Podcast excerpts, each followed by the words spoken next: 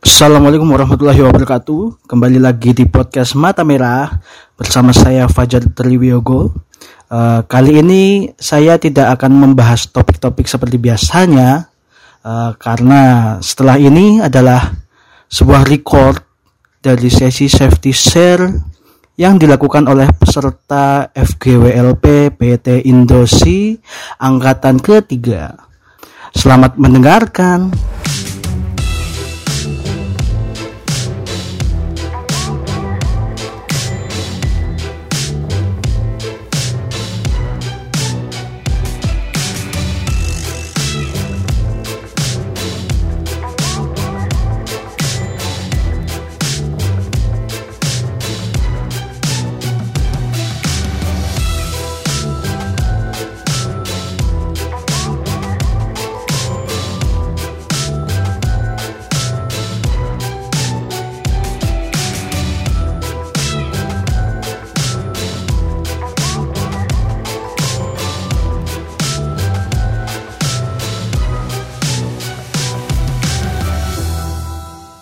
Um, sebelum sebelum kita memulai aktivitas pada hari ini langkah baiknya kita mulai dengan berdoa menurut agama dan kepercayaan masing-masing berdoa dipersilakan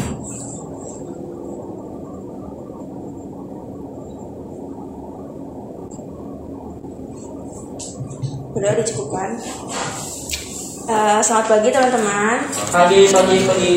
Uh, pada sesi share kali ini saya akan melanjutkan yang sudah dibahas sama Kevin.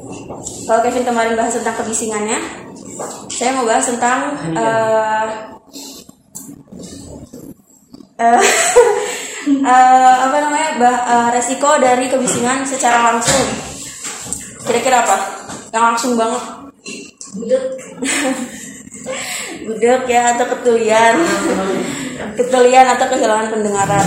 Nah, untuk di pekerja sendiri itu biasanya lebih disebut ke uh, gangguan pendengaran akibat bising atau GABP atau di istilah internasionalnya itu disebut NIHL noise induced hearing loss. Nah, uh, teman-teman tahu ketulian itu apa? Ketulian itu apa?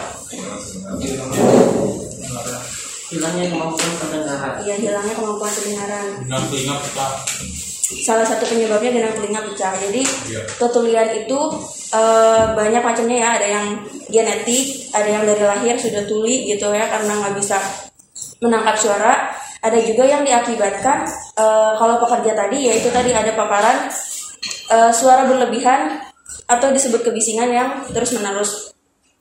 Kemarin kemarin sempat disinggung juga sama Kevin kalau bahaya kebisingan itu ada yang eh, akut, ada juga yang kronis. Kalau yang akut itu jadi secara langsung. Kalau kita mendengar kebisingan yang eh, sangat bising, kayak misalnya petasan gitu, itu eh, secara nggak langsung eh, merubah ambang dengar kita. Jadi ambang dengar itu kan kita bisa mendengar itu dari 20 sampai 2000 Hz.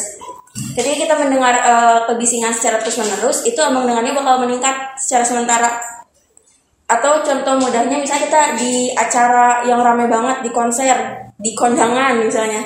Itu kan suaranya biasanya kenceng banget ya. Dan telinga kita biasanya sulit menangkap eh, suara lain selain kebisingan itu. Lalu ketika, ketika kita keluar dari area kebisingan tersebut kita akan sulit kita seolah-olah telinga kita ada yang menutup itu ada yang menyumbat nah itu tuh sebenar, sebetulnya adalah perubahan eh, ambang kebisingan secara sementara. Itu sebenarnya bisa hilang dalam beberapa menit beberapa jam bahkan beberapa minggu tergantung sensitivitas pendengaran kita dan juga tergantung jenis kebisingan yang kita terima.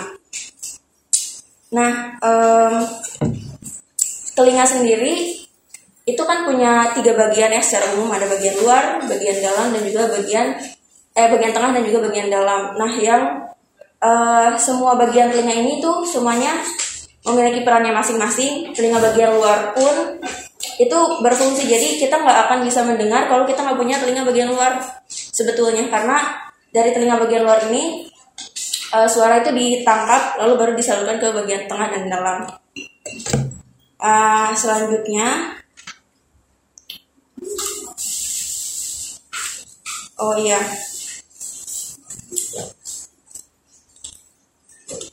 Eh, yang sering kita tidak sadari juga bahkan sebenarnya di ketulian atau gangguan pendengaran juga salah satu risiko yang sering kali diabaikan gitu. Karena karena pen, penderitanya sendiri tidak menyadari kalau dia telah kehilangan pendengaran atau e, kemampuan mendengarnya itu berkurang.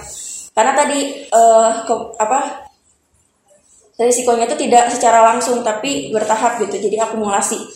Ambang pendengarannya tuh e, terus ditumpuk terus dinaikkan sampai dia tuh nggak sadar bahwa ambang pendengarannya sudah berubah gitu secara permanen jadi sebaiknya tuh uh, salah satu cara untuk menghindari ketulian kalau untuk pekerja sendiri itu mengatur jam kerja. Jadi tidak terpapar terpapar secara terus menerus. Terus uh, telinga nggak punya waktu untuk mengembalikan ambang dengarnya ke yang normal lagi. Jadi itu tuh bisa me mengakumulasikan ambang dengarnya jadi lebih tinggi. Jadinya menyebabkan ketulian itu tadi. Uh, kemudian juga sebenarnya kalau yang sering kita temuin uh, ada penelitian yang menyebutkan bahwa bahkan di tempat permainan anak-anak kayak time zone gitu fun story ternyata ke, ke, kebisingannya tuh bisa mencapai 80 hingga 100 eh hingga 90 dBA.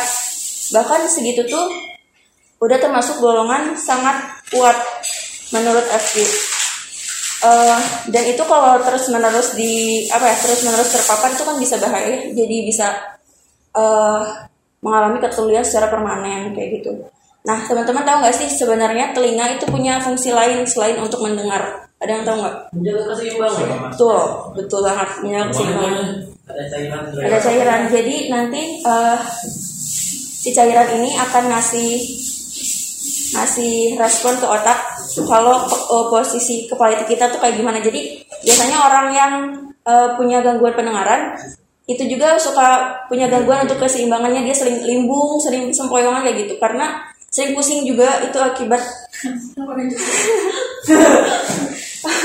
akibat ada gangguan pendengaran. Jadi itu ada ada cairan ya. Jadi kalau misalnya kita ngirim-ngirim gitu cairannya tuh ngikutin. Jadi dia ngasih uh, impuls ke otak bahwa kondisi kondisi kepala kita tuh lagi kayak gimana. Jadi dia bisa tetap menyeimbangkan tubuh kayak gitu. Gitu. Untuk menjaga telinga kemarin disampaikan sama Kevin, jangan keseringan dikorek, dibersihkan harus tapi jangan keseringan karena itu tadi akan malah menyumbat ke dalam pakai alat yang uh, benar uh, dijaga kebersihannya. Kayak gitu. Mungkin sekian yang bisa saya sampaikan. Terima kasih. Assalamualaikum warahmatullahi wabarakatuh